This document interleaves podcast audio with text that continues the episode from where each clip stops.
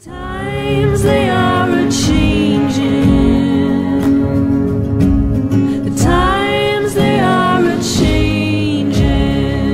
You are willing to fight for a government of compassion and justice and decency. Not only will we win this election, but together we will transform this country. Come, mothers and fathers throughout the land. הזמנים הם משתנים. זה המסר שעומד במרכז תשדיר הבחירות החדש של אה, ברני סנדרס עם המוזיקאית והפעילה הפוליטית ליה רוז. וכמובן אה, יש כאן השראה מהתשדיר של ביש אה, מוזיקה על נאום Yes We Can של אובמה בבחירות 2008, ואולי ניסיון להגיע לאותן אנרגיות וגם מסר של שינוי. וכן, התשדיר הזה יוצא לאור כשהפריימריז הדמוקרטיים כבר מעבר לפינה, המועמדים מתחילים לתת פוש סיום, והיום אה, לקראת הפריימריז שיחלו באיואה בעוד אה, כשבועיים, אנחנו ננסה למפות את המועמדים הדמוקרטיים, מה ההבדלים ביניהם, אחרי מי כדאי אה, לעקוב ולשים לב, ונעשה זאת בעזרתה של מעיין אפרת, פרשנית לפוליטיקה אמריקאית.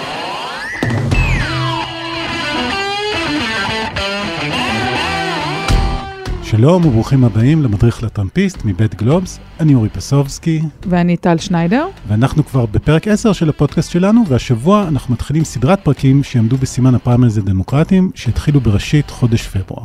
ואם אתם רוצים, אתם מוזמנים גם אה, למצוא את המדריך לטראמפיסט אה, באפליקציית הפודקאסטים המועדפת עליכם. אתם מוזמנים לעקוב אחרינו בלחיצה על כפתור follow או subscribe. אני גם מזמינה אתכם לבוא לקבוצת הפייסבוק התוססת שלנו, הדברים שמה מאוד עדכניים. אז uh, קדימה, מתחילים. אורי, בפרק החדשותי שלנו, לפני שאנחנו מתחילים, בוא נקשיב לדברים אה, שאמר נשיא בית המשפט העליון ג'ון רוברטס, כשהוא השביע את הסנטורים אה, בפתח המשפט לפני כשבוע. Do you solemnly swear that in all things appertaining to the trial of the impeachment of Donald John Trump, President of the United States, now pending, you will do impartial justice according to the Constitution and laws, so help you God? אז זה היה סינק מתוך אה, שידורי רשת NBC, ושמעתם את נשיא בית המשפט העליון, השופט ג'ון רוברטס, אה, מינוי רפובליקני אגב, אה, משביע 100 סנטורים בהליך הראשון של משפטו הפלילי של הנשיא טראמפ. אז בשבוע שעבר הם הושבעו, ואתמול, ביום שלישי, התחיל בעצם המשפט עצמו, המשפט הפלילי, וגם המריבה המאוד גדולה בין הדמוקרטים לרפובליקנים על הפרוצדורות ואיך יהיה הנושא הזה של זימון עדים. רק למעשה אני רוצה להגיד, אנחנו הקלטנו את הפרק הזה לפני אה, פתח הדיונים, וייתכן שבשעה שאתם תאזינו לו, ההחלטה על הפרוצדורות והאם יזומנו עוד עדים כבר תתקבל, ואנחנו נראה חלקם אה, צועדים לסנאט. על מה הוויכוח אבל? אז ככה, לרפובליקנים יש רוב של 53 סנטורים, לדמוקרטים יש 47 סנטורים, אבל מבחינת הוויכוח על הפרוצדורה, יש לפחות כמה רפובליקנים שמרנים שלא מסכימים לכל uh, תכתיב שהבית הלבן מנסה לדרוש. והדמוקרטים מנסים uh, לשכנע אותם uh, להיות בצד שלהם, כשבעצם, צריך להגיד, מנהיג המיעוט בסנאט, שהוא הסנאטור uh, מניו יורק, uh, שומר, ובכלל, כל ההנהגה הדמוקרטית, ננסי פלוסי ואדם שיף, הם יודעים שהסנטורים יצביעו אה, נגד ההדחה, אך בנושא הפרוצדורה, הם מקווים שהחבר'ה האלו, הקבוצה הזאת, היא לא תזרום עם הבית הלבן, ולמי שמתעניין מי הם אותם מרדנים, רנגייד, כמו שהאמריקאים קוראים להם, מדובר בסוזן קולינס ממיין, שהיא סנטורית שמרנית מאוד ותיקה, אך היא ניצבת בפני קהל בוחרים ליברלי יחסית, ומכאן העמדות שלה, היא לא, היא לא רצה להיצמד לכל דבר שהבית הלבן מכתיב. ויש לנו כמובן את מיט רומני מיוטה, שהפך להיות הממשיך של ג'ון מקיין בהיבט של ההתנגדות לנשיא טראמפ, ועוד שני סנטורים, פחות אה, מוכרים אולי לציבור הישראלי, ליסה מרקובסקי מארקנסו ולמר אלכסנדר uh, מטנסי. והשאלה הקריטית מבחינת הדמוקרטים, uh, אם הם ישיגו הסכמה לזמן עדים נוספים, הם היו רוצים לשמוע אה, דמויות נוספות, זה קרה במשפטי האדמה, הדחה קודמים. אה, האנשים האלה עד כה נחסמו על ידי הבית הלבן מלהעיד אה, בבית הנבחרים, ובסנאט הדמוקרטים היו רוצים לשמוע אותם. על מי אנחנו מדברים? אז כן, רציתי לשאול אותך, מה, מי חשוב פה? אני חושב ששתי דמויות מתוך הבית הלבן, יועץ לביטחון לאומי לשעבר ג'ון בולטון, וראש הסגל מיק מולבייני, שגם שולט על התקציב, והוא בעצם יכול לענות על השאלה האם הקפאת הסיוע הביטחוני לאוקראינה זו הייתה יוזמה של טראמפ, וגם אה, דמות אה, ססגונית, קצת מדרג שני, אבל אדם שהסתובב אה, לא מעט באוקראינה, אבל נדבר עליו, מאכר של ג'ודי, רודי ג'וליאני בשם לב פרנס. שהוא טיפוס טיפוס, יעשה כאן הרבה צבע אם הוא באמת יבוא להעיד. כן. אז תכף נדבר עליו עוד טיפה, רק נזכיר גם את uh, העובדה שמצידם, הרפובליקנים היו רוצים אה, אמ, להזמין את הנטר ביידן, הבן של, בן אה, של. הבן של אה, אה, ג'ו ביידן, ובעצם רוצים להפוך, אה, אה, בעצם זה שוט שהם מניפים על הדמוקרטים, שאם אתם רוצים עדים, אנחנו נהפוך את זה למשפט בעצם של משפחת ביידן, ולא רק של הנשיא טראמפ. כן, כי זה הכל עניין פוליטי. אה, טראמפ גם מתייחס לכל המשפט הזה כאירוע תקשורתי במסגרת פרקי ה reality show שהוא בנה לעצמו, וכדי שזה יעבוד היטב, כמו שעובדות אה, תוכניות ריאליטי, צריך כוכבים, צריך סלבס. סלבים, ולכן הוא שכר את עורכי הדין קנט סטאר ואלן דרשוביץ, שהמטרה שלהם אה, היא להיות גם המדברים בטלוויזיה, בעיקר ה talking heads בתוכניות. אה, פחות אולי, אני חושבת, להציל אותו משפטית, כי זה אמרנו, ממילא הרוב איתו, והוא לא יודח ככל הנראה. כן, הוא, אבל שואו הוא רוצה שיהיה. שואו חייב להיות. אוקיי, אז בואי נדבר קצת על uh, לב פרנס, שהזכרנו אותו כבר, ועל הריאיון שהוא נתן השבוע ל-CNN. was not even the transition, it was to get the inauguration because it was a big thing. He was a young to show the. American backing of the new of the new Of course, administration. because he had no strength with so Russia. Giuli- I mean, uh, Giuliani even- cancels his visit because there's a lot of bad publicity about it in the United States. He cancels his visit. You go have the meeting with a high-level uh, official in Zelensky's Correct. circle, and what's the message you deliver? I basically told him very strict and very stern that uh, several things. A, that uh, he needed to make an announcement, Zelensky needed to immediately make an announcement, literally that night to, or tomorrow, that within the next 24 hours, that they were opening up an investigation on Biden. Within 24 hours or so. Li- I mean, I don't remember 24 hours that same night, but I mean, literally, because I mean, uh, Rudy was really pissed off that uh, this was going to be a That this setup. hadn't happened. טוב, אז זה היה מתוך השיחה בין אה, לב פרנס לבין אה, אה, אנדרסון, אנדרסון קופר. אה, אתה רוצה קצת אה, לספר? לב פרנס הוא מין אה, דמות כזאת שמסתובבת באוקראינה, מטעמו של רודי ג'וליאני, שרודי ג'וליאני הוא משמש כעורך דין האישי לצורך העניין של טראמפ, והוא מנסה להעביר לנשיא אוקראינה, זלנסקי, הנשיא החדש אה, באותו זמן, שהוא יכריז, אה, המטרה שלהם הייתה לגרום לו להכריז על פתיחת חקירה בעסקה שהנטר ביידן, בנו של ג'ו ביידן, היה מעורב בה, והם אומרים, אתם אה, לא תכריזו על פתיחת החקירה, לא יהיה סיוע צבאי לאוקראינה. עכשיו, לא, לא ניכנס פה, סיפור ההדחה מורכב, כל סיפור אוקראי- אוקראינה הוא מורכב, רק נגיד שפרנס הסתבך בעניינים פליליים אחרים וקשורים, והוא כרגע יש לו אינטרס לסגור איזושהי עסקה, ואנחנו רואים את טראמפ, כל בן אדם שרוצה להתנער ממנו אומר, לא, אני פגשתי אותו, הצטלמתי איתו, אני לא יודע מי זה בכלל, לא מכיר כן. אותו, אני מצטלם עם הרבה אנשים, וזה גם הקו שלו לגבי פרנס, ופרנס מצידו אומר, לא, אני עשיתי את הכל בהנחיית הנשיא, הוא משקר, אנחנו מכירים אחד את השני. וזה הכותרת של הריאיון שם, הנשיא משקר, ואם הוא יבוא לעדות זה בטח יהיה בעייתי עבור טראמפ. למעשה פרנס הנ"ל שפך כבר את, אה, את התכנים שלו באותו הריאיון ב... אצל אנדרסון קופר, וזה הולך להיות אה, לא נעים לרפובליקנים. כן, to be continued. טוב, נעבור עכשיו לראיון עם אה, מעיין אפרת. אז קודם כל, אה, מעיין, אה, קודם כל תודה שהצטרפת אלינו ושאת מארחת אותנו פה במשרדים אה, של אה, ורייזון בתל אביב. ורייזון מידיה. ורייזון מידיה בתל אביב, סליחה, מיתוג זה דבר מאוד חשוב. אה, אז אה, אנחנו מכירים אותך כידענית אה, מומחית מאוד גדולה ברשתות החברתיות, מה שאת כותבת ומתבטאת ומסבירה.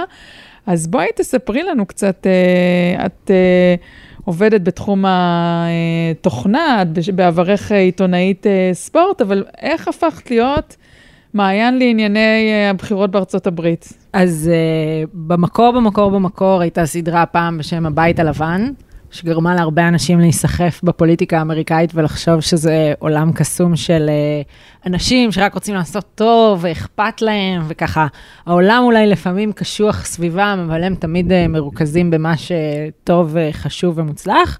ואז באמת התבגרתי, וככה כשנכנסתי לעולם לעיתונות, אז זה גם היה הכניסה של אה, ברק אובמה לבית הלבן, פלוס מינוס במקביל, מה שעוד יותר מושך אנשים צעירים אה, לעולם הפוליטיקה, ואז באמת הלכתי ללמוד מדעי המדינה, ו- ו- ומעניין לעניין נוצר, אה, נוצר אובססיה קלה לפוליטיקה אמריקאית. אובססיה קלה.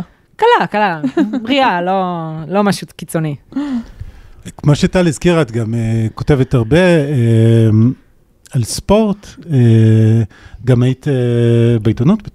כן, כן, אה, התחילה, ההתחלה שלי בעיתונות הייתה באמת בעיתונות הספורט, וספורט אמריקאי ופוליטיקה אמריקאית הם, אה, הם תמיד, אמריקאים תמיד אוהבים להגיד ש, שזה נפרד, ושהספורט זה כאילו המקום שהם הולכים אליו כשנמאס להם מהחדשות, אבל כולנו יודעים ש...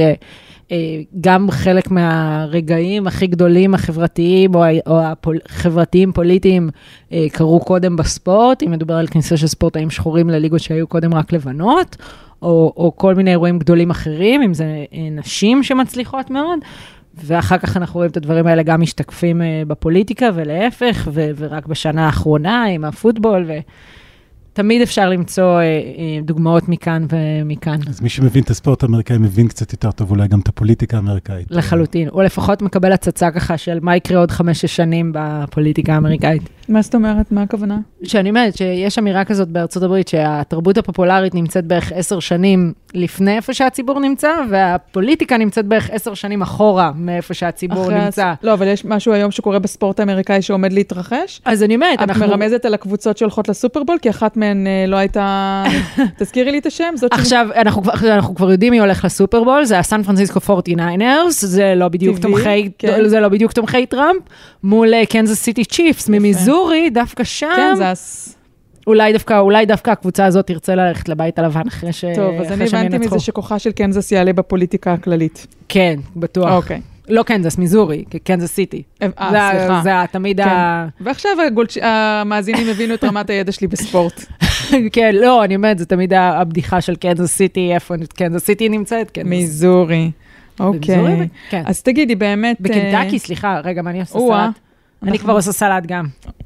אה, תגידי רגע, בזמן שאת אה, משלימה את המידע החשוב הזה, באמת יום לפני הפריימריז באיואה, או נקרא להם בעצם caucuses, כי זה לא בדיוק אה, הצבעה רגילה. במיזורי, במיזורי, אני לא יודעת למה פיקפקתי בעצמי פתאום. אוקיי, מעיין צדקה, תשימו לב, היא תמיד צודקת למי שלא אה, עוקב אחריה עדיין ברשתות, יש צדק בדבריה.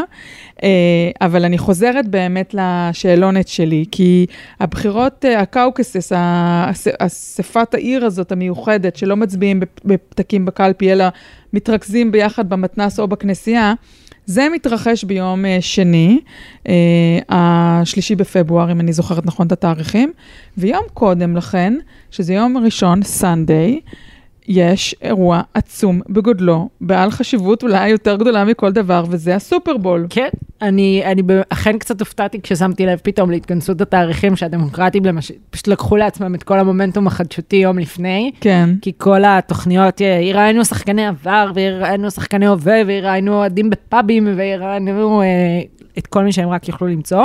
בעבר, אגב, היו תופרים, רשת ESPN בשנים שהיא שידרה את הסופרבול, אכן ערבבה ספורט ופוליטיקה, הייתה מזמינה את אה, ברק אובמה להתראיין, לעשות איזשהו ראיון עם, עם כתבי הספורט של, ה, של הרשת, ככה, באמת לדבר על, ה, על הציר הזה שבין ספורט והפעם זה לפוליטיקה. אצל פוקס. והפעם זה אצל פוקס. מה זה אומר על הדמוקרטים? הם? לא מערבבים, פוקס לא, אה. לא מערבבים את מחלקת הספורט שלהם עם מחלקת החדשות שלהם. מטעמים אידיאולוגיים או... אני לא יודעת, אבל, אה, אבל באמת לא צפוי להיות איזשהו ערבוב, חוץ מזה יש לי שגם, פה איזו תיאוריית קשר קטנה. שגם טראמפ וגם מייקל בלומברג הוציאו כסף גדול על פרסום באירוע. יפה.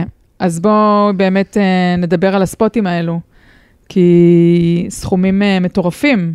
כן, אה, מתחרים עם, אה, עם כל מותגי העל בארצות הברית על אה, דקות הפרסום, עשרה מיליון דולר אה, כל אחד ככה לבערך דקה, דקה פרסומת. שבוא נודה על האמת, נכון שהרבה אנשים אוהבים לראות את הסופרבול בשביל הפרסומות, אבל זה יותר בשביל הפרסומות נראה לי של מותגי הרכב והמזון, אני לא יודעת כמה אנשים יישארו מול הטלוויזיה דווקא כשהם יראו מודעה פוליטית ככה באמצע הערב הכיפי הזה, כמה יש להם עניין להתעסק בזה, אז, אה, אז אני לא יודעת כמה שווה ההשקעה הזאת, אבל כן, טראמפ ובלומברג ינסו ללכת ראש בראש בזמן צפיית שיא בארצות הברית. נראה מה, נראה מה זה יוליד. אוקיי, אז יום אחרי זה יש את התהליך הפריימריז הדמוקרטי, מתחיל רשמית עם ה caucuses, האספות האלה אה, באיואה, והמטרה שלנו היום היא להכיר יותר לעומק את הזירה של המתמודדים אה, בפריימריז. החלטנו להתמקד בבולטים שבהם, אה, לעבור עליהם אחד-אחד, ויש איזה היגיון שהלכנו לפיו בסידור של המועמדים. כן, אז אנחנו לפי הממוצע סקרים הארצי כרגע, אמנם הממוצע סקרים הארצי פחות רלוונטי, כי באמת הבחירות הולכות ממדינה למדינה, וכל אה, בחירות כאלה יש להם את הדינמיקה שלהם, ואיך שהן משפיעות על השיח ועל הסיכויים, אבל אה, נתחיל כנראה עם ביידן, שכרגע עדיין, על אף כל מה שחשבו שיקרה, אה, יכול להיות שהבחירות האלה, הפריימריז האלה יתחילו ויסתיימו באותו מקום, עם ביידן בצמרת. כן, כל פעם יש איזה מועמד נוצץ חדש, איזה כוכב לרגע, אבל צריך להודות שביידן פשוט שומר על המקום שלו בראש הסקרים. לא באיואה, נכון? ב- באיואה, גם. באיואה בממוצע הוא וסנדרס ממש צמודים אה, כתף אל כתף. על אף שהיו לו סקרים אה, גם, שאפשר להגיד שהם היו די גרועים מבחינתו, של אה, מקום שלישי, מקום רביעי. איואה, גם בעבר, צריך לזכור, ביידן רץ בעבר לנשיאות, משום מה, איואה, על אף ההרכב הדמוגרפי שלה, מדינה אה, לבנה, מבוגרת יחסית, אה, אנשים מאזורים כפריים, שעל פניו זה ככה אמור להיות הקהל האוטומטי של ביידן. משום מה, תושבי איואה אף פעם לא התחברו לביידן, ואני אומרת, תושבי איואה לא התחברו לביידן, כי השיטה הזאת באיואה, שאנשים צריכים לצאת בה מהבית ולדבר עם השכנים שלהם, ו- ולהביע בצורה מאוד מאוד פומבית במי הם בוחרים, גורמת לזה שהפוליטיקה שלהם נחשבת מאוד אישית. כלומר, מועמדים ממש צריכים ללכת ממתנס למתנס, כן. מבית ספר לבית ספר, מלפעמים סלון בית, סלון בית, נכון. כי לפעמים זה באזורים מאוד קטנים וכפריים, שבאמת חוץ מללכת לסלון של אה, משפחה ולדבר עם המשפחה הזאת והשכנים שלה, אז אין לך הרבה עם מי, עם מי לדבר שם.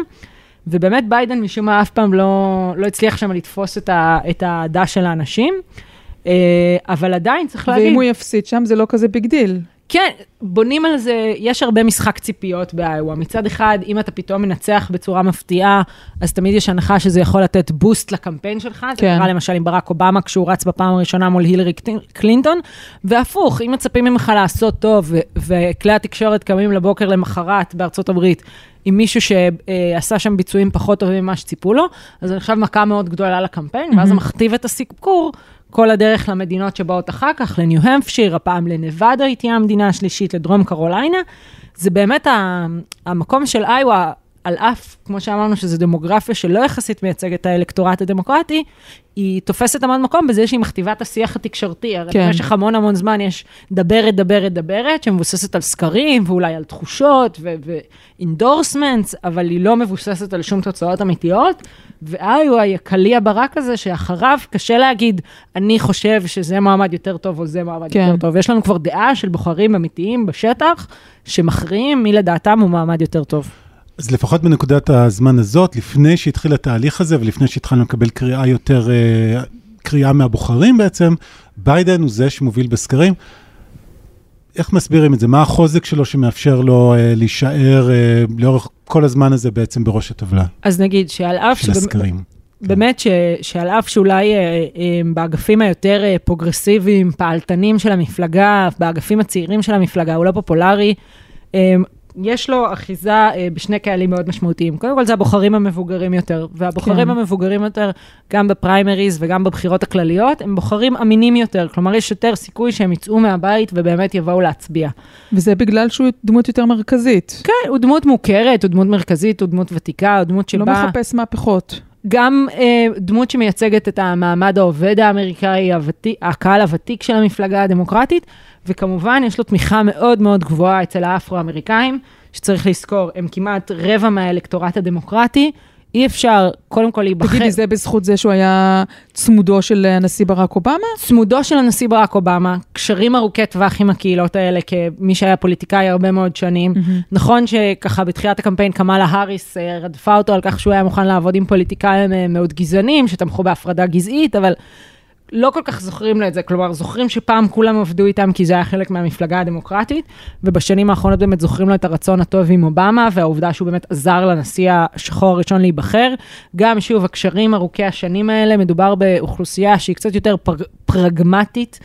אה, טיפה יותר, אה, אני לא אקרא לזה זהירה, אבל מנסה ככה לא להתאהב בחלומות שווא, mm-hmm. כי היא צריכה, יש לה יותר ממה להיפגע, אם הדמוקרטים לא ייבחרו עוד כן. פעם.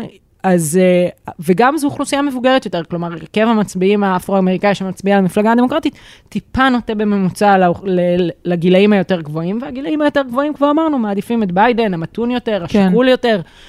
וצריך להגיד, ביידן גם מוביל אצל אנשים ששמים במקום הראשון מבחינת מה יגרום לי להצביע למועמד, את אנחנו חייבים לנצח את טראמפ. כלומר, מי שעסוק רק במה יקרה, קודם כל להחליף את טראמפ ואחר כך בכל שאר mm-hmm. נושאי המדיניות, מעדיף את ביידן, אני חושב שלביידן יש את הסיכוי הגבוה ביותר, וזה באמת הרבה היום מהבוחרים הדמוקרטיים, זה מה שמעניין אותם בראש ובראשונה. הם אולי מאוד אוהבים את, אה, את הרעיונות של וורן, של סנדרס, הם אולי מאוד מכבדים אותם כבני אדם, חושבים שהם אנשי, אנשים חכמים וטובים עם כוונות טובות, אבל הם אומרים, אין לנו זמן לבזבז עוד ארבע שנים. טוב, אי אפשר להגיד על סנדר, לא נור... סנדרס לא נורא, פעם תנסה בפעם הבאה. זה נכון, גם וורן היא, גם וורן היא לא בדיוק גבולית, גבולית אבל, אה, אבל הבוחרים אומרים, לנו אין זמן, כאנשים שצריכים לחיות פה בארצות הברית, לנו אין זמן לחכות עוד ארבע שנים, או לראות מה יקרה בעוד ארבע שנים עם, עם טראמפ, כלומר, מה יישאר מיחסי החוץ של ארצות הברית, מכל מיני תוכניות חברתיות, מאנשים לא אוהבים את הסגנון שלו וחושבים שזה משפיע למטה, ומחלחל למטה לחיי היום-יום.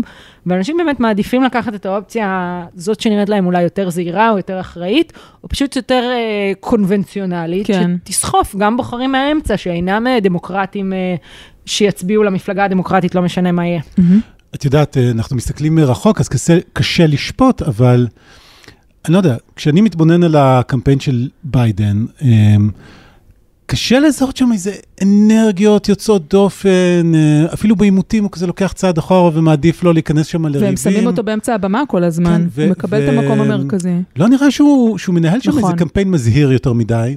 אני לא יודע אם זה נקודת חולשה או שזה מכוון. זה גם וגם לדעתי, כלומר, ברור לכולם, אני חושבת, גם מרחוק, שאין שם איזה אש מאחורי הקמפיין.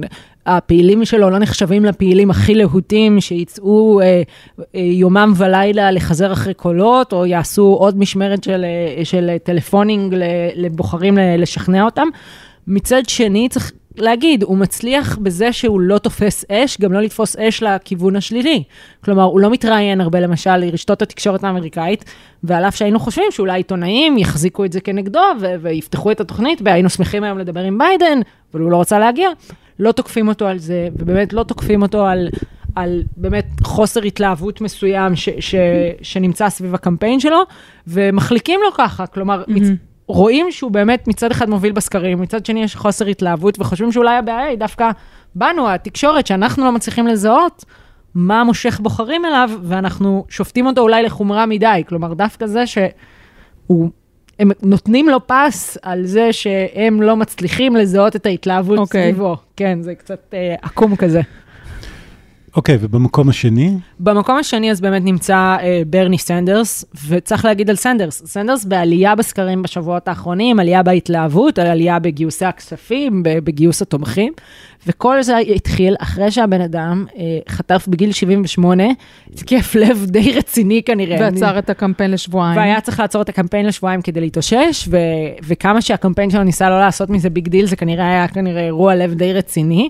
אמ, מצד שני, הוא קיבל כנראה סטנט ישראלי, והיום הוא מרגיש אה, צעיר כבן 50 או משהו כזה. א', את יודעת, אומרים לפעמים שעדיף כן. לקבל כבר את, את, את האירוע הזה. ולקבל את הטיפול, כי אז פתאום משחרר לך את כל החסימות כן. שהיו שם. כל מה שהוא הרגיש לא טוב. וגם אני חושבת שזה באמת גרם לתומכים שלו להרגיש... אני רק רוצה להגיד למאזינים, אני לא בוודאות יודעת אם הוא קיבל סטנט ישראלי, זה בפנטזיות שלי, כי בכל זאת, כשחושבים על סנדרס, ישר חושבים על קיבוץ שער העמקים, שהוא היה בו מתנדב, מתנדב חושבים על המבטא הברוקליני-יהודי שלו, איכשהו יש לנו איזושהי תחושה כאילו של uh, סחבק, על אף, ואולי תסבירי קצת, שהוא לא, סחבק הוא לא. כן, אה, תכף נגיע באמת לעמדות שלו לגבינו, לגבי ישראל. אני רק רוצה להגיד שבאמת זה גרם לתומכים שלו אולי לתחושת uh, It's now or never, כמו שאמרת. כלומר, האיש בן 78, אה, הוא לא ירוץ כנראה בסיבוב אה, הבא, בטח לא הבא הבא, כלומר... רגע, תזכיר לנו כמה ביידן? ביידן גם בסביבות שמה, 78, אה, וורן 70, כלומר וורן היא הצעירה. בחבורה הזאת ביחס אליהם. The baby. The baby in, the, in this group. ובאמת, סנדרס, התומכים שלו כנראה יצאו מהבית אחרי הדבר הזה, החליטו ש-it's now or never, צריך לזכור, האירוע ההשקה המחודש של הקמפיין, אחרי השבועיים שלושה האלה שברני נאלץ לשבת בהם בבית ולהתאושש, היה אירוע שבו אלכסנדריה אוקזיו קורטז, הכוכבת הגדולה של המפלגה הדמוקרטית, הודיעה שהיא תומכת בו. באופן כללי הוא נהנה מתמיכת הצעירים של המפלגה, אם רק אנשים מתחת לגיל 35 או 40 היו מצביעים בפריימריז האלה. אה, ברני היה זוכה בהם אה, תוך, אה, תוך חודש וחצי, משהו כזה. אני אספר לך סיפור קטן, שהייתי במנצ'סטר, או קונקורד בניו-המפשיר ב-2016, הלכתי לאירוע של סנדרס באחד מה, מהתיכונים, ועמדו שם טונות של סטודנטים כאלו, college people ככה, עם הטרנינגים שלהם והשיער הוורוד ועוד כל מיני מאפיינים חמודים, ודיברתי עם אחת הבחורות הממש צעירות, נראתה לי כבת 20, ואמרתי לה, למה את אוהבת את סנדרס? אז היא אמרה, הוא הבטיח קולג' חינם לכולם. אמרתי לה, אבל את חושבת שאם הוא יהיה נשיא, הוא יוכל לממן קולג' חינם לכולם? כאילו, באיזה סרט? היא אמרה לי, כן, אתם, הזה, הדור, אתם רק מנסים לדכא, הוא מה שהוא מבטיח, הוא יעשה. ובינך לביני, הוא גם חוזר על ההבטחה הזאת, נדמה לי, בימינו. באיזה סרט בתקציב האמריקאי יהיה אפשר לממן קולג' חינם לכולם? באמת, זה פנטזיות שנראות אה, לקוחות ממקומות לא הגיוניים. אז אני אגיד שני דברים. א', ברני סנדרס צריך להגיד את זה כ- כשמאלן אמיתי, כלומר כסוציאליסט אמיתי, לא מפחד להגיד שהוא יעלה מיסים. הוא, הוא, הוא אומר, אם אנחנו נעלה מיסים, אבל נשים אותם לטובת ביטוח בריאות לכולם, או נשים אותם לטובת קולג' לכולם, אז נצליח לחסוך לאנשים חלק מהכסף שהם מוציאים היום מהכיס ומכניס אותם לחובות, כלומר כסף זה כסף זה כסף, אז הם ישלמו יותר במיסים, אבל ישלמו פחות בשכר לימוד, ישלמו פחות בביטוחי הבריאות הפרטיים. ומצד שני גם צריך להגיד, יש שם אנשים סביבו אה, אה, היום שמאמינים, לא ניכנס לזה, אבל באיזושהי מדיניות מוניטרית שלא מפחדת מחוב. אני חושבת שגם הוא וגם וורן מחזיקים הרבה כלכלנים כאלה, הם לא כל כך, הם לא כל כך שמחים לדבר על זה, כי עדיין המיינסטרים האמריקאי אוהב לדבר על הגירעון, ושצריך אחריות פיסקלית וכל הדברים האלה. אבל כן, אני חושבת שגם וורן וגם סנדרס במידת מה מסתמכים על כלכלנים כאלה שאומרים להם, אה, תגדילו קצת את הגירעון, יהיה בסדר. אה, שוב, הם לא מדברים על זה הרבה, כי אני חושבת שהם באמת יחטפו הרבה מהתקשורת, אבל צריך להגיד, חוץ מברני, צריך להגיד סוציאליסט uh, self-proclaimed, ככה שמכריז על עצמו כזה, חיפשתי לנו מספרים, ה-DSA, ה-Democratic Socialist of America, שזה ארגון uh, שחיצוני למפלגה הדמוקרטית, ב-2016, כשברני התחיל לרוץ, היו להם 5,000 חברים. ב-2018, כשרצו אלכסנדריה אוקזיו קורטז ועוד מועמדים ככה כן. שנתמכו על ידם, הם כבר הגיעו ל-40 אלף חברים. וואו. כלומר, ברני מצליח לייצר שם איזשהו שיח כלכלי, שיח כלכלי פוליטי, שלא היה פופולרי ב- בארצות הברית בכלל, וגם לא במפלגה הדמוקרטית עד עכשיו, ופתאום קונה לעצמו, קונה לעצמו אחיזה, ולכן, שוב, לכן אנשים מוכנים להאמין שכן, שאולי יהיה קולג' בחינם, או אולי יהיה ביטוח בריאות ממלכתי, ביטוח בריאות ממלכתי הוא רעיון פופולרי בסך הכל, אה, ויצליחו למצוא את הדרך לעשות את זה, כמו שצריך לזכור, עושים את זה בהרבה מדינות אחרות. כן. יש, אה, יש פה איזו שאלה, אני חושב, שמרחפת מעל סנדרס. הזכרת שהרבה בוחרים, הם, הם מצביעים לפי מי שיוכל, הם עושים כאילו את החישוב הזה בראש, של אני אצביע לבן אדם שיוכל לנצח את טראמפ, כלומר מי שיכול להצליח גם בבחירות הכלליות. אז מצד אחד, סנדרס הוא מין אדם כזה שכאילו הוא מאוד קורץ לאגף הפרוגרסיבי, המתלהב, האקטיביסטי של המפלגה הדמוקרטית, אבל השאלה אם אנשים עם האגף הזה, עם, ה, עם העמדות האלה, מסוגלות להבקיע לציבור הרחב יותר ולגרום לו לנצח בבחירות הכלליות, לנשיאות, והשאלה אם החישוב הזה גם איכשהו נכנס לאנשים. אז אני אגיד אה, דבר אחד, מובן ש, שרוב הקהל שלו זה באמת חבר'ה צעירים, וחבר'ה צעירים לבנים ולא לבנים, ו, והצד היותר אידיאולוגי של המפלגה, אבל צריך לזכור שסנדרס פונה גם לאגף מסוים, קטן אמנם במפלגה הדמוקרטית, אה, רובו נמצא היום במפלגה הרפובליקנית של אה, לבנים חסרי השכלה, שגרים ב, ב, לא במרכזים העירוניים הגדולים. והיו בעבר הבסיס המאוד מאוד חזק של המפלגה הדמוקרטית, אנשי, ה, אנשי הכפר או אנשי המפעלים, והרבה מהם באמת עזבו את המפלגה הדמוקרטית לאורך השנים, מכל מיני סיבות, לא ניכנס אליהם לפה. unions? unions וגם, אה, וגם כל האוכלוסיות האלה שהם אינם אה, אה, אנשים משכילים ממרכזי הערים. וסנדרס מזכיר להם קצת כמו טראמפ את ה-good old days בנושא של באמת, כש, כשעבודת איגוד הייתה עבודה טובה, כשחקלאי היה יכול להתפרנס מהעבודה שלו. כלומר, הוא פונה לאנשים האלה כבן דורם, כבן אדם שחי באמריקה כזאת של פעם, ומנסה להזכיר להם שפעם יכלת להתקיים באמריקה, שהקפיטליזם לא היה כל כך נורא, שלא יכלת אה, להתקיים בו, איזשהו טיעון כזה בסיסי של הוגנות.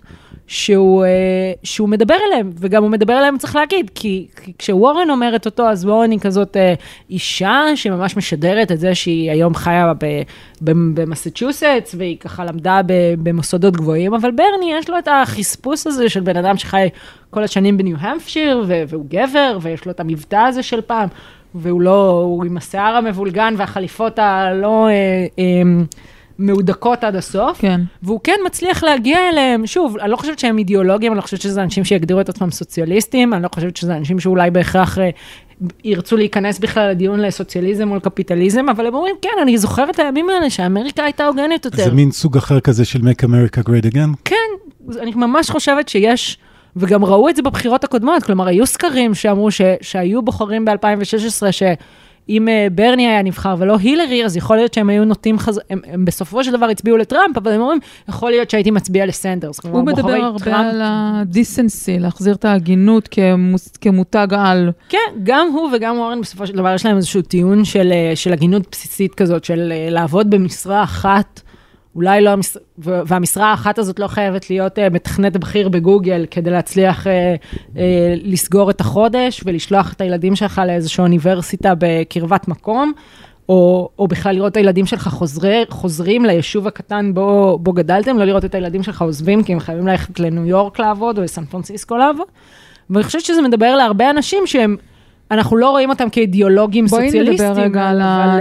אבל בואי נדבר רגע לפני. על הנקודה המעיקה עבורנו כישראלים, כי אי אפשר להתעלם מזה, הוא מקיף את עצמו באנשים שבאמת מצמרר לשמוע ולראות אותם. אילנה אמר שכניסתה נחסמה לישראל אה, מהחלטה פה של הממשלה, אבל בין השאר, אה, בלי קשר לבעייתיות שהייתה באותה החלטה, העמדות שהיא מביעה והציוצים שלה והכל מלווה במעין רוטב אנטישמי כזה מצמרר. אה, היא חברת קונגרס, אבל היא סארוגייט שלו, היא מופיעה איתו, היא בכל קטעי הוידאו שלו. Uh, הבחורה השנייה שהוא לקח אותה כסארוגייט, היא אמנם לא צוות הקמפיין, אבל היא גם משלהבת קהלים עבורו. זו לינדה סרסור, שעמדה בראש מצעד הנשים ודעותיה כלפי, uh, כלפי uh, ישראל, כלפי uh, יהודים. בואי, זה באמת, לא, לא קל לראות את זה. כן, הוא באמת מחובר לאגף השמאלי ביותר של המפלגה הדמוקרטית, שבחלקו יש אנשים שבמקרה הטוב לא אוהדי ישראל, ובמקרה הרע באמת אה, נתפסים לפעמים באמירות אה, שמשחקות כבר עם אנטישמיות. אני כן אגיד שאני אה, חושבת שאנחנו לא צריכים להיות מאוד מודאגים מזה, ואני חושבת שזה נכון לכל המועמדים. אה, אני חושבת שהדיון באמריקה בשנים האחרונות הפך להיות דיון שמאוד ממוקד בענייני פנים. בעיקר כשמדובר במועמדים מהשמאל, כלומר המועמדים מהשמאל באמת נותנים איזשהו טיעון כולל שמדבר על אה, ממש הפיכה של המערכת הכלכלית בארצות הברית, ואם הם באמת מתכוונים למה שהם אומרים, אז זה ייקח את כל הנשיאות שלהם, והם ישאירו, הם כמעט לא יתעסקו בנושאי חוץ. כלומר, אני חושבת שיש גם... אבל איזוש... הבחירה שלו בצוות, בצוות כזה, באנשים... בגלל זה אני אומרת, אני חושבת שהוא מנסה להתעלם בצורה אסטרטגית מהדעות שלהם בנושאים האלה. הוא כן נהנה מזה ש, שזה מבדל אותו מה, מהממסד ה... ממסד יחסי החוץ המקובל. אבל אני שנייה אלחץ בכל זאת, כי יש לו את האמירה הכי, בוא נגיד, אה, קיצונית לשמאל, מבחינת קיצוץ הסיוע לישראל, במידה וישראל לא אה, תפעל לפי מה שהוא וצוותו אה, מאמינים. הוא נתן את האמירה הכי בוטה בתחום הזה. אה, לא יודעת אם בוטה או קיצונית, אה, משהו שבאמת פה, לא משנה מי יהיה ראש הממשלה בישראל בהמשך, זה יהיה מאוד לא, לא נוח. כן, אני לא חושבת שיהיה לישראל קל עם דור העתיד של המפלגה הדמוקרטית באופן כללי. כלומר, ברגע שיותר ויותר אנשים באגף הזה של המפלגה יתפסו תפקיד, גם כסנטורים, גם כחברי קונגרס, באופן כללי, אני לא יודעת אם זה יהפוך להיות עמדת המיינסטרים, אבל זה יהפוך להיות עמדה הרבה יותר אה, נפוצה ממה שהיא היום, וזה באמת נושא שצריך אולי לפתוח ב- בהזדמנות אחרת, כי... המפלגה הדמוקרטית באופן כללי, אחד הדברים שאובמה גם הותקף עליהם, ובמידה מסוימת של צדק, זה שעם כמה שהוא הביא רעיונות חדשים בכל מיני תחומים חברתיים, כלכליים, בעולם יחסי החוץ הוא יחסית נשאר מחויב לממסד הישן, לממסד יחסי החוץ בוושינגטון, שהוא ככה כמעט משותף למפלגה הדמוקרטית והרפובליקנית, כלומר, הוא יושב מאוד יחסית באמצע, כן. ויש, ויש הרבה... איפאקי.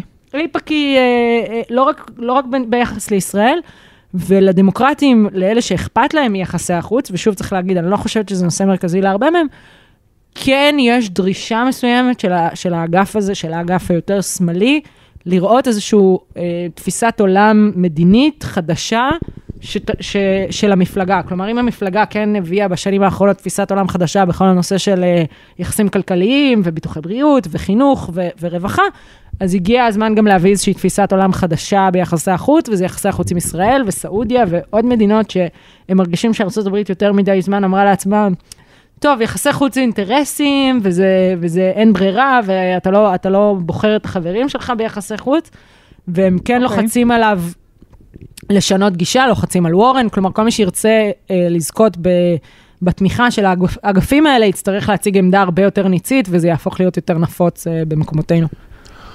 אוקיי, אז ב-2016, כשטל הולכת ופוגשת college kids עם שיער ורוד, סנדרס, אה, די יש לו מונופול על הצד הזה, על העמדה השמאלית, העמדות ה- היותר סוציאליסטיות האלה שהוא מציג, הן ייחודיות לו מול קלינטון, אבל עכשיו יש שם עוד מתמודדת, אה, פחות או יותר באותם אזורים, וורן, שהיא מספר שלוש כרגע בסקרים. כן, היא מספר שלוש עדיין בסקרים, על אף שהיא כבר הייתה יותר גבוה וירדה, וככה כן, היא מנסה. נחלשה. היא, היא כבר, היה לה את הפיק מאוד מוקדם, אה, לקראת הקיץ ככה, והיא ירדה, ועכשיו היא מנסה ככה למצוא דרכים לטפס חזרה. אה, כן, היא בגדול אה, מנסה להיות אה, סנדרס, באמת בלי הצד היותר אה, מחוספס או קיצוני, או, או זה שנתפס אה, כמחוץ למחנה, להיות, אה, להצליח לגשר בין המיינסטרים הדמוקרטי, בין... אה, אמירה שגם אני יכולה להעביר רפובליקנים, יש לי אחים רפובליקנים עדיין, והם בטוח יצביעו לי, לבין, אה, לבין לייצג עמדות פרוגרסיביות בצורה בלתי מתפשרת. אז באמת היה לה את הצמיחה הזאת, עכשיו יש קצת ירידה. שוב, יש בזה, תמיד צריך להגיד, ברור לנו שלאישה תמיד יהיה יותר קשה, אה, בטח אישה שיש לה קצת קול מורתי כזה, כמו אורן, שצריכה להתגבר על המון תפיסות, אה, אה, צריך להגיד, שוביניסטיות שקיימות עדיין בפוליטיקה האמריקאית. מצד שני, היא גם נקלעה לדיונים מסוימים שלא היו טובים לה, למשל, הדיון על ביטוחי הבריאות, כן ולא ביטוחים פרטיים, זה לא היה ב- בליבת המסר שלה, ליבת המסר שלה הייתה הרבה יותר על, אה, על הוגנות ועל אה, על וול סטריט ועל רפורמות, אה, רפורמות מסוג אחר, ואז היא ככה נגררה אחרי ברנים ואחרי כל מיני פעילים במפלגה שדווקא נושא הבריאות יותר חשוב להם, ואז כביכול דחקה את עצמה לפינה ו- ואיבדה הרבה מהמומנטום. תגידי, וראינו את הניו יורק טיימס השבוע עושה לה endorsement. זה לדעתך אה, המלצה מהניו יורק טיימס עוזרת או פוגעת בקמפיין? אני אגיד קודם כל, אני, כאילו, הניו יורק טיימס סוג קצת, אה, נתנו לה את ה endorsement ביחד עם איימי קלובשאר, שזה כאילו non endorsement, endorsement כזה, נדבר עליה, כן, זה כן. כאילו, או שתיתנו לה, כי הרי ברור שה endorsement הוא יותר לה מלקלובשאר, כי קלובשאר כרגע אה, במקום פחות פחות ריאלי סיכוי. בסקרים, אז או שתיתנו לה ותשימו את כל משקלכם מאחוריה, או ש... אה, או, או שאל תיתנו, כלומר, או שתגידו, יש יותר מדי מועמדים ועוד לא הצלחנו להחליט. מה שכן, אה, אני חושבת ההיסטוריה שאת... ה- מלמדת שה endorsement הזה לאו דווקא משרת. כן, אני, זהו, וגם אני חושבת שאת הקהל שקורא ניו יורק טיימס בבוקר ועדיין מחשיב את דעתו של הניו יורק טיימס, יחסית כבר יש לה בכיס, הקהל שלה, חוץ מבאמת אנשים שפרוגרסיביים יותר, שחושבים שאולי ברני קצת קיצוני מדי, או ברני קצת קיצוני מדי לאנשים אחרים, ולכן לא יביא מספיק קהלים למפלגה. אז הקהל שלה הוא באמת אה, אוכלוסיות משכילות יותר, בוגרות בואי נגיד אוניברסיטאות רגע טובות. למאזינים, אה, למה העיתון נתן לה ולא לברני סנדרס, כי הוא מסבירים שם שסנדרס הוא יותר אה, נוקשה. כן, יותר ובתוך- דוגמטי ב- בדיוק, דוגמטי. ובבית הלבן הם אומרים שמה צריך להיות מסוגל לעשות גם פשרות, ואיתו, וכמובן השיח הוא רק על הנושא הכלכלי, על ביטוח הבריאות ושינוי האקלים והנושאים האלו, ובתחום הזה, אם, יהיה, הוא, יהיה, אם ברני סנדרס ימשיך להיות אותו הראש הקשה, כמו שהוא, ראינו אותו במהלך כל השנים בסנאט, אז הנשיא לו, לא יכל להעביר כלום. בעוד שהיא נתפסת כיותר, כמו שאמרת קודם, גשר. כן, היא מנסה גם לבנות עכשיו טיעון של סוג של מועמדת מאחדת, מועמדת שאומרת, אני פונה גם לצד הפרוגרסיבי האידיאולוגי של המפלגה, וגם לאנשים שמחפשים איזושהי דמות שנתפסת יותר רכה, לא שוורן נתפסת כ, כאישה רכה, אבל יותר רכה מבחינת ה... ה- ה- השיח שלה מול אנשים שלא מסכימים איתה, היא פחות תוקפנית כלפי אנשים אוקיי. שלא מסכימים איתה. אה, זה, זה נתיב קשה להיות בו, צריך להגיד, כי מצד אחד היא כל הזמן חוטפת מאנשי סנדרס ותומכיו של סנדרס, שהיא לא מספיק אה, תעמוד על דעותיה, שהיא איזשהו אה, מזויפת, או, או מנסה רק אה, צי, פוליטיקאית צינית שגונבת להם את האג'נדה כדי להצליח, ומצד שני, היא כמובן חוטפת מאנשי המרכז, שאומרים, את אה, שמאלנית מדי, הרעיונות שלך קיצוניים מדי, את לא תצליחי, אה, את לא תצליחי להביא מספיק אנשים מהאמצע כדי להפוך להיות נשיאה. ובאמת חבל לה, כי הרעיון שלה, גם של סנדרס, אבל הרעיון בעיקר שלה, של המס עושר על העשירים, הוא רעיון פופולרי מאוד. כלומר, זה באמת רעיון שמאחד גם דמוקרטים וגם רפובליקנים. כשבודקים- חוץ מהעשירים. חוץ מהעשירים ביותר במפלגה הרפובליקנית, כולם בעד. כלומר, זה רעיון שיש לו בערך אה, 60 אחוז תמיכה בציבור האמריקאי. אני לא בטוחה שיש אה, 60 אחוז תמיכה למשהו היום בציבור כן. האמריקאי, אבל דווקא זה כן. ובגלל שהיא לא הצליחה לסובב את הקמפיין, להיות סביב הדבר הזה, היא כנראה קצת הפסידה תמיכה שהייתה יכולה להיות לה.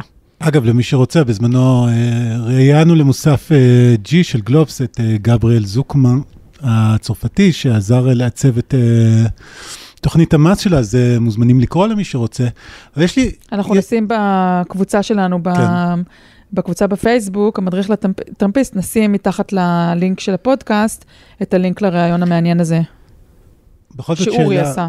בכל זאת אה, שאלה על וורן. אמ, אז הזכרתי, חלק מהחולשות שלה, יש עוד משהו, אני חושב, תגידי לי מה דעתך, היא גם פרופסור בהרווארד. אז אני חושבת שבאמת, ש, שבאופן, שזה יכול להיות אה, יתרון כמובן, בכל זאת מכובד וזה, אבל זה יכול להיות גם חיסרון בימינו. כן, אני גם חושבת שהיא חושבת שזה חיסרון, וגם בצדק, כלומר, על אף שהיא עצמה בוגרת הרווארד ובאמת חיה כבר בבוסטון הרבה שנים ומייצגת את אה, ב- בסנאט, היא מאוד אוהבת להדגיש, וזה אגב לא רק עניין ציני, כלומר, היא גדלה במשפחה, אה, היא אומרת, ממש בקצה התחתון הדק של מעמד הביניים האמריקאי, משפחה באוקלהומה, כלומר במידווסט, לא רק, היא כל הזמן מנסה להזכיר, לא רק ברני, אה, ברני, לא, אבל לא רק ביידן ולא רק פיט בוטיג'ג' אה, מגיעים משם, גם אני גדלתי שם. והם חיים שם עדיין, האחים שלה, נכון? האחים שלה עדיין חיים שם באזורים יש האלה, את הוידאו המשפחה הזה שלה. ש- וידאו מצוין, ממליצה לחפש אותו, של וורן יושבת עם האחים שלה והם מעלים זיכרונות ילדות. בפרק הבא של הפודקאסט אנחנו נפתח איתו כדי כן. לאזן עם ברני. והיא גם, מה שנקרא, שמים מאוד לב, היא, היא מאוד מבליטה את המבטא הזה שהיא גדלה איתו, היא מאוד מבליטה את הסיפור המשפחתי שלה, וצריך להגיד, זה לא בצחוק, כלומר, בן אדם שגדל כמוה בשוליים האלה של, של מעמד הביניים התחתון, צריך לעבוד קשה כדי להצליח בחיים, זה לא באמת כל כך פשוט. אימא שלה הייתה צריכה לחזור לעבוד כשהיא הייתה ילדה, בתקופה שאנשים לא בהכרח עבדו מחוץ לבית, כי אבא שלה, אה, אבא שלה ספג אה, התקף לב או איזושהי בעיה רפואית אחרת ולא יכלה לחזור לעבוד, ואימא שלה נאלצה לצאת לעבוד, וזה באמת סיפור שהוא, שהוא באמת אה, אה, ככה מעוני לאושר ולהצלחה גדולה בחיים.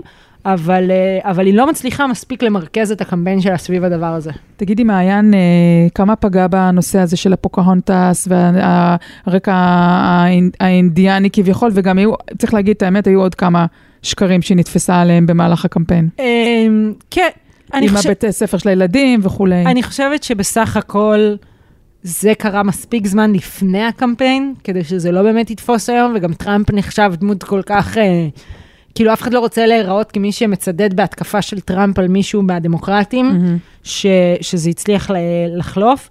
ושוב, צריך להגיד, היא באמת מתמודדת עם, ה, עם הנושא הזה של האם היא ישרה מספיק, שנובע, שוב, גם מזה שזו התקפה אה, שנובעת מ... מזה שהיא פוליטיקאית. מזה שהיא פוליטיקאית, ומזה שהיא פוליטיקאית שהולכת כביכול בין, שני, בין הטיפות, בין הצד המתון יותר לצד האידיאולוגי יותר, וגם מזה שלעיתים ככה הילרי קצת- קלינטון יכולה לספר לה על איך תוקפים נשים על היושרה שלהם בפוליטיקה, בוא נגיד וגם את זה צריך ככה. להגיד את האמת שהיא קצת ממציאה דברים פה ושם. אה, שוב, צריך לתת לה את הזה, היא כנראה לקחה סיפור משפחתי ואיפתה אותו, אבל אה, היא טוענת שזה, שזה מה שסיפרו לא. אבל היה לה. גם את החוסר אמת לגבי הילדים שלה. כן. טוב, יאללה, נעבור הלאה. אממ, אוקיי, מקום רביעי, פיט בוטיג'ג', Mayor פיט, אממ, שהוא בעצם משחק לגמרי במרכז. כן, הוא, צריך להגיד, זה לא היה שם מהרגע הראשון, הוא היום משחק לגמרי במרכז, מנסה להיות האופציה, אה, האופציית הגיבוי של מצביעי ביידן. כלומר, האם אתם מודאגים מביידן מהגיל שלו, או מחוסר ההתלהבות סביבו, או מכך שהוא אולי לא מחובר מספיק לדור הצעיר, אז הנה אני, ראש עיר בן אה, 39, מהעיר השלישית בגודלה באינדיאנה, אני הפתרון שלכם. אה, אני אומרת שזה זה רק האופציה השנייה שלו, כי בהתחלה, בהתחלה, בהתחלה הוא כן ניסה ללכת קצת כמו אורן, כאילו לטייל על הנתיב של אני מצד אחד יכול להביא קולות גם מהאמצע, ומצד שני יכול להביא, אה, אה, גם יכול להציג מדיניות יותר פרוגרסיבית, כי אני צעיר ואני מחובר למה שמעניין את הצעירים. אה, ואז הוא זיהה שהנתיב הזה טיפה צפוף קצת, כבר עם ביידן, אבל ועם וורן, ועם מאיפה עוד ועוד ועוד. מאיפה הוא צץ לנו האיש הזה? הוא, קודם כל הוא מאוד מרשים, אבל באמת, אני, אנשים לא יודעים שהוא גם היה, גם היה בצבא, והוא גם היה בעבודות בתחום הייעוץ, מקינזי ושות'. כן, צריך להגיד, זה לא במקרה, כלומר, פיט בוטיג'ג' לא מסתיר את זה. הוא גדל והוא כצעיר מחונן, שגם עבד, אגב, גם הוא ראה הבית הלבן בילדותו, וחלם יום אחד על אה, כוח והשפעה ו- ועל פוליטיקה אמריקאית. ואז כילד באמת, שהיה מאוד מוכשר ומוצלח, אז הוא הלך אה, לאוניברסיטת הרווארד, ואחר כך זכה במלגת רודס, שזו מלגה שהרבה ככה אנשים אה, אה, גדולים אמריקאים אה, מרשימים זכו בה, הרבה פוליטיקאים ו- ואנשים מתחומים שונים. אחר כך הלך לצבא, בין השאר כדי להיות מסוגל יום אחד להגיד, אני התגייסתי, אני שירתתי את ארצי, וגם אני מבין נושאי ביטחון, כי אני התגייסתי ושירתתי את ארצי. אחר כך מצא עבודה ככה מאוד מרשימה במקינזי, שבעבר זה היום נראה לי קצת פחות פופולרי במפלגה הדמוקרטית, אבל פעם זה גם היה איזושהי חותמת איכות כזאת. באמת תכנן את חייו, אה, תכנן מסלול פוליטי. אני לא יודעת אם הוא תכנן לרוץ לנשיאות בגיל 39, אבל סוג של המפץ הגדול הזה ש, שטראמפ יצר במפלגה הדמוקרטית עם, אה, עם כל האפשרויות השונות, ו, וגם ברני, ופתאום כזה הייתה הזדמנות, נפתחה הזדמנות, ולדעתי הוא זינק עליה. אה, נשמע אנחנו- קצת מהונדס מכל מה שאת אומרת. הוא מאוד מהונדס, אני חייבת להגיד שלהגנתו הוא לא ממש מסתיר את זה. כלומר, הוא אומר, אני חלמתי על זה, אני ראיתי בעיני רוחי כסטודנט צעיר את היום בו אני אכנס לפוליטיקה, ואני, כן, אני יודע מה צריך לעשות כדי להיות פוליטיקאי בארצות הברית, אני יודע איזה ניסיון צריך, ואני הלכתי למקומות האלה, אני לחלוטין לא חשבתי שאני לא אלך למקומות האלה. מצד שני, אומר, זה מראה את המחויבות שלי לשירות ציבורי, אני, זה מה שתמיד רציתי לעשות, לא רציתי לעשות שום דבר אחר, והנה, אני הולכת בכל הכוח על הרעיון הזה. אנחנו קצת מופתעים שהוא שרד עד כה, לא? כן ולא, כלומר, זה באמת מפתיע שבחור, אה, אפילו ראש עיר של אפילו לא העיר הכי גדולה 100,000 באינדיאנה. כן, לא העיר הכי גדולה באינדיאנה, שאינדיאנה היא לא המדינה הכי גדולה באיחוד, אה, ככה מתנפל בבת אחת, מצד שני יש לו יותר ניסיון ממה שלדונלד טראמפ היה כשהוא נכנס לבית הלבן. צריך להגיד, כרגע המועמדות שלו עדיין נחשבת כמועמדות ריאלית, כי הוא מוביל, ב, כי הוא, יש לו סקרים שהוא מוביל באיווה, הוא בכל מצב שם בצמרת הגבוהה. הבעיה שלו כרגע היא שנעשה לו מזמן סקר וגילה ש-97% מהתומכים שלו הם אה, לבנים. וכבר אמרנו, במפלגה הדמוקרטית, האלקטורט של המפלגה הוא רק בערך 50% לבן. כלומר, אי אפשר להיבחר אחר כך במדינות כמו נבדה ודרום קרוליינה, ואחר כך שאר מדינות הדרום, וקליפורניה, ו... המפלגה הדמוקרטית הרבה הרבה יותר מגוונת. כן. מזה, ומועמד שלא יצליח לייצר נתיבים של אה, אמון והשפעה עם הקהילות הלטיניות והקהילות האפרו-אמריקאיות, אז אולי יצליח לנצח באיווה, אולי יצליח לנצח בניו-המפשר, הוא לא יצליח להתקדם הרבה מעבר לזה, ויהיה לו סיפור, אה, סיפור מוצלח לספר, אבל, אבל הוא לא יהיה המועמד הדמוקרטי לנשיאות הברית. יש עוד משהו שאולי כדאי להזכיר, אה, בכל זאת, פיט בוטיג'ג' הוא גם יצא מהארון. אה, כן, הוא מצד אחד, בגלל באמת שהוא בחר את הנתיב הכל כך מתון, אז לא מדברים על כמה שהוא באמת מועמד היסטורי. כלומר, המועמד הראשון אה, שרץ מחוץ לארון בגאווה, אה, בן הזוג שלו, בעלו, מדבר ועושה הצהרות בשמו ומתראיין לטלוויזיה וה- והכל גלוי, כלומר אין פה שום ניסיון להסתיר שום דבר. הוא גם מדבר על זה הרבה פעמים, שהוא אומר, אתם מדברים על פוליטיקה ואתם מדברים על ההשפעה של הפוליטיקה על חייהם של אנשים. אני היום גבר נשוי בזכות החלטה אחת של בית המשפט העליון, שנתמכה על ידי נשיא ארצות הברית, ובגלל זה יש לי משפחה היום. באותה מידה, אם הפוליטיקה הייתה הולכת לכיוון אחר, אז לא הייתה לי לו, משפחה אין לו היום. עדיין ילדים. אין לו עדיין ילדים היום, אבל הוא מדבר על, על בן זוגו ועל הכלבים שהם מגדלים ביחד, והוא אומר, אני יודע מיד ראשונה איך זה מרגיש שהפוליטיקה מתערבת לך בחיים, ולשמחתי היא התערבה בכיוון החיובי, אבל כמובן שזה היה יכול ללכת גם לכיוונים אחרים. אבל שוב, בגלל שהוא בחר ככה לדבר עם הקהלים היותר מתונים של המפלגה, ולא להיות איזשהו מועמד של שינוי חברתי ושינוי תרבותי גדול יותר, אה, אז זה פחות מושך אליו גם את הצעירים, רוב התומכים שלו הם באמת מהחלק היותר מבוגר של המפלגה, ולא מהחלק היותר אידיאולוגי של המפלגה, וזה קצת חבל לדעתי שהמועמדות ההיסטורית הזאת קצת מתפספסת בזה יש אילוצי קמפיין. אם כי הוא הזניק את עצמו למרכז הבמה והוא עדיין צעיר, אה, הוא אני בונה את עצמו. מאמינה שאני אשמע עליו עוד פעם, אני מניחה שזה לא יהיה הסיבוב האחרון של פיט בוטיג'ג'. כן, הוא יבלוט, הוא עוד יבלוט. הוא עוד יבלוט. משהו לגבי אה, פיט בוטיג'ג', את אומרת, הוא צעיר והוא פונה לקהלים המבוגרים יותר, יש פה איזה משהו שהוא קצת פרדוקסלי באמת בבחירות האלה, כי אנחנו במין רגע היסטורי כזה בארצות הברית, שאנחנו רואים את הסיסמה הזאת, OK boomer, לאנשים קצת, לצעירים קצת נמאס מה baby boomers, ששולטים בפוליטיקה האמריקאית כבר מי יודע כמה זמן, והנה, האנשים שמלווים את הצעירים, זה סנדרס ווורן, בשנות ה-70 לחייהם, ובוטיג'ג' הוא המועמד של המבוגרים יותר, כלומר, אין פה איזה פריצה של דור צעיר יותר. כן, כי צריך להגיד, הדור המילניאלי, ברגע שהוא באמת יתחיל להצביע במספרים גדולים, אז הוא, אז הוא מה שנקרא, ייקח את, ה, את, ה, את הדור של ה baby boomers מבחינת קבוצת האוכלוסייה הכי גדולה שמצביעה. אבל בגלל שהמילניאלס, על אף שכולם כבר בגיל הצבעה, עוד לא התחילו להצביע במספרים גדולים, וצעירים באופן כללי בארצות הברית לא מצביעים במספרים מספיק גדולים, ובצורה מספיק עקבית, אז הכוח היחסי שלהם בפוליטיקה עדיין מתפספס. זה חוזר למה שאמרנו קודם, שהפוליטיקה לפעמים נמצאת עשר שנים אחרי איפה שהתרבות נמצאת. כן. אם הם באמת יופ... יופיעו בבחירות האלה, כמו שהם הופיעו למשל ב-2018, ב-2018 אחד הדברים שדיברו עליהם בבחירות האמצע, זה התורים המאוד מאוד ארוכים באוניברסיטאות ברחבי ארצות כן. להצבעה, גם לרישום להצבעה וגם אחר כך להצבעה, שבאמת הביאו לכמה ניצחונות מאוד מאוד גדולים ומעניינים. אם באמת המילניאלס יצליחו, או קודם כל לבחור את אחד המועמדים שלהם, כלומר נניח ברני יהיה המועמד של המפלגה הדמוקרטית לנשיאות, או גם אם ברני לא יהיה המעמד של המפלגה הדמוקרטית לנשיאות, אבל הם יוצאו במספרים גבוהים, יצליחו לבחור סנטורים וחברי קונגרס שמעניינים אותם, או, או מושלים, או ראשי עיריות. אם הם יצאו במספרים גדולים, ואחר כך בחיתוכים של, אה, של פוסט הקמפיין יראו שהנפח שלהם סוף סוף משתווה לחלקם באוכלוסייה, אז יכול להיות שבאמת הם יצליחו בסיבובים הבאים גם להכתיב יותר, מהמם. כלומר, בפעם הבאה נראה גם מועמד צעיר שגם הולך עם הדעות של הדור שלו, ולא רק מועמד צעיר, ש, שכדי לחס- לפצות על חוסר הניסיון שלו, צריך לפנות לאוכלוסייה יותר אה, מבוגרת ומתונה. אוקיי, נעבור הלאה. נשאר לנו זמן קצר, אנחנו צריכים להגיד מילה או שתיים על אה, שני אנשים נוספים, איימי קלובשאר, הסנטורית, ואחריה כמובן חייבים להגיד מילה על בלומברג. אז קודם כל על איימי קלובשאר, אנחנו בטח גם מופתעת לראות את הניו יורק טיימס אה, מפרגן לה ככה. היא ב endorsement, בצד השני של ה endorsement. ספרי לנו טיפה עליה. אז, אז נגיד שכן, איימי קלובשאר, הניו יורק טיימס החליט בעצם לעשות endorsement למועמד אחד מהצד הפרוגרסיבי יותר, וזו הייתה אליזבת וורן, ומועמד אחד מהצד המתון יותר, וקלובשאר צריך להגיד, עקפה גם את ביידן וגם את בודג'יג' בסיבוב. מאוד מפתיע. הם אה, ראו אותה כמועמדת שיש לה יותר סיכוי גם מצד אחד לנצח, כלומר לגרור סביב הקולות אה, אולי לא רק מהצד המתון, וגם באמת להיבחר.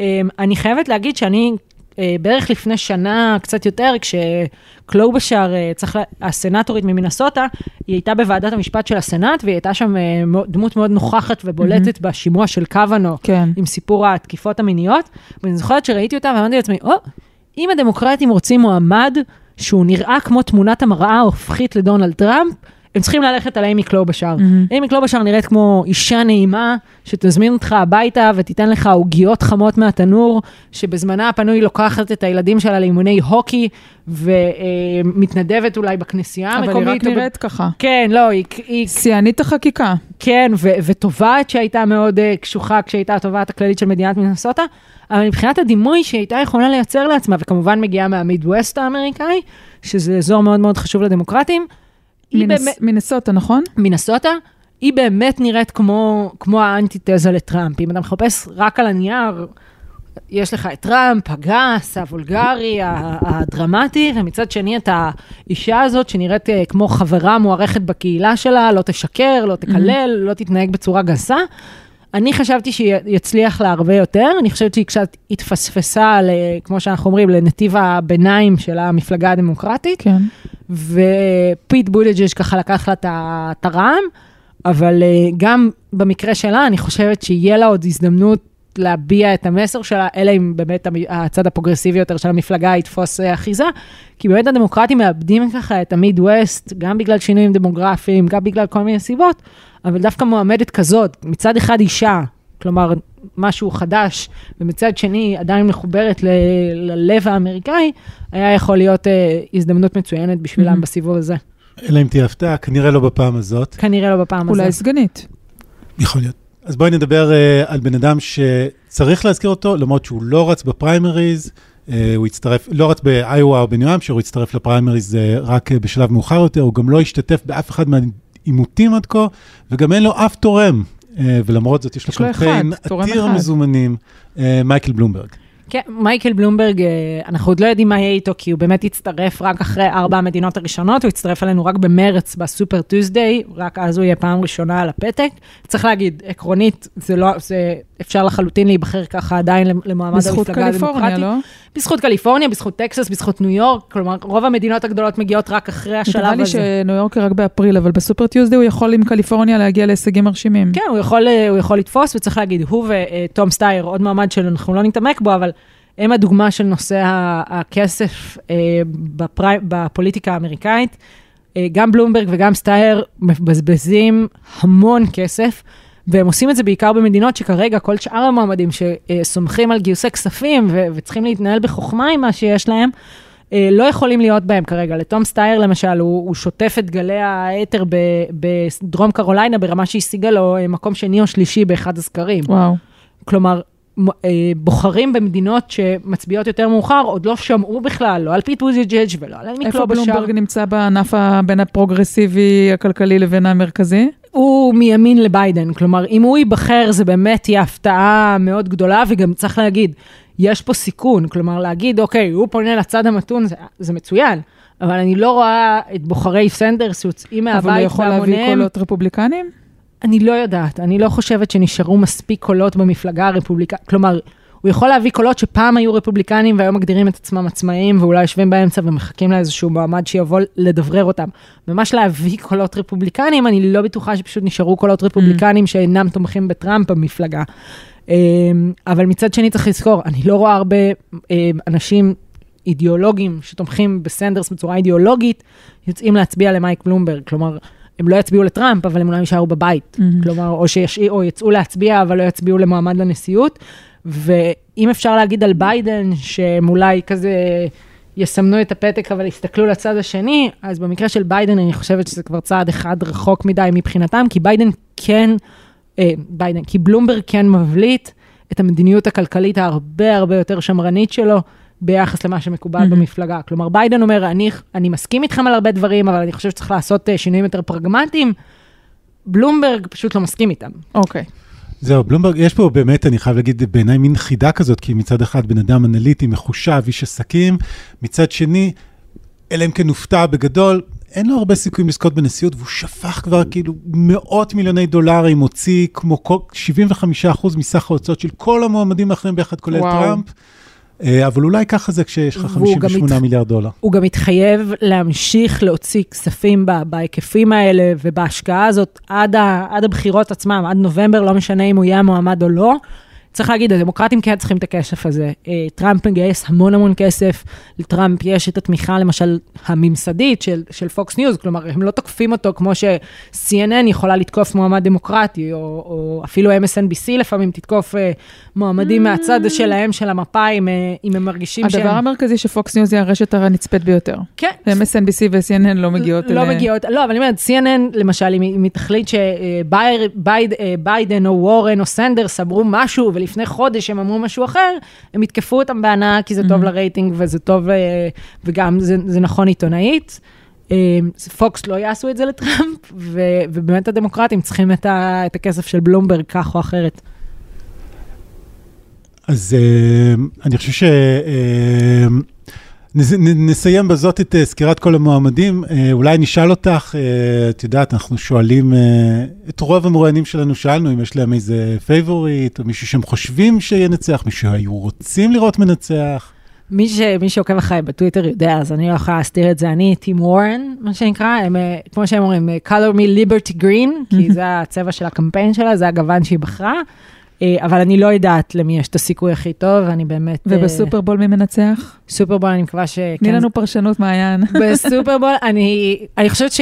אני חושבת שה-49ers ינצחו, אבל אני בעד קנזס סיטי. למה? זה משחק הג- הגנה מול התקפה בעד יחסית. האנדרדוגס? לא, אני בעד האלה שבאים יותר עם הצד של ההתקפה. הבנתי. זה. משחק הגנה, התקפה, כל אחד יש את הסגנון שהוא אוהב, אז אני בצד עם אלה שיודעים להתקיף אז ת. תקשיבו, אה, כדאי לכם לעקוב אחרי מעיין, הן בעבור הניתוח הפ- הפריימריז, ה Iowa, ה caucuses, והן עבור ניתוח המשחק.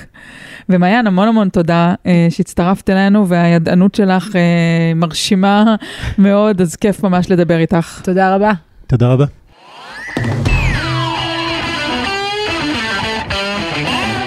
טוב, אורי, הגענו לחלק של ה peanuts. אתה זוכר את ההפגנות הנשים הגדולות שהיו ב-2017, איך שטראמפ אה, נבחר? איך אפשר לשכוח, הם הביאו יותר אנשים משהגיעו להשבעה שלו. זה הייתה, היו ההפגנות הכי גדולות uh, בהיסטוריה של ארה"ב. מסתבר שהארכיון הלאומי, הארכב הראשי uh, בארצות הברית, uh, נטל את התמונות מאותן ההפגנות, ואלו ששמורות בארכיון, והכניס בהם מחיקון, קצת טשטוש, לא מטשטשים את הפנים של המשתתפות, אבל חלק מהשלטים שהיו בעד נשים וכולי הם השאירו, אבל את השלטים שהיו מאוד בוטים נגד טראמפ, הם פשוט uh, פיקסלו אותם בעדינות. אז uh, מה אתה אומר על זה? זה, זה חצי פינאץ משעשע וחצי uh, מזעזע, כאילו, היסטוריה אלטרנטיבית. שכתוב. של טראמפ, כן. אני חושב שהם התנצלו על זה מאז. לא ראיתי את ההתנצלות, אבל אני יודעת להגיד לך שהצעדות של אנשים דועכות בלי קשר לסיפור הזה. הפוליטיקה שם הפנימית של הארגונים, ארגוני נשים, כרגע נמצאת ב, בירידה. מצד שני, ארגוני נשים בארצות הברית, זה ההיסטוריה ההיסטוריה של הפוליטית של ארגוני הנשים, זה דבר מרתק בפני עצמו, שווה אולי פרק אחר, יש להם ups ו downs ופיצולים, זה חלק מהעניין. מה עוד את מביאה? אני מביאה, טוב, אז אני מביאה פעם אפליקצ... אפליקציית dating. כן, אותם האנשים שמחפשים בני זוג, ומסתבר שב-2020, חלק מה... מהאפליקציות נכנסות לתחום של השאלות הפוליטיות, ותנחש מה, מה המטרה של זה. זאת אומרת, אתה מחפש מישהי, או אני מחפשת מישהו, איך עושים את זה? הדבר הראשון, רגע, הוא תומך טראמפ או מתנגד טראמפ?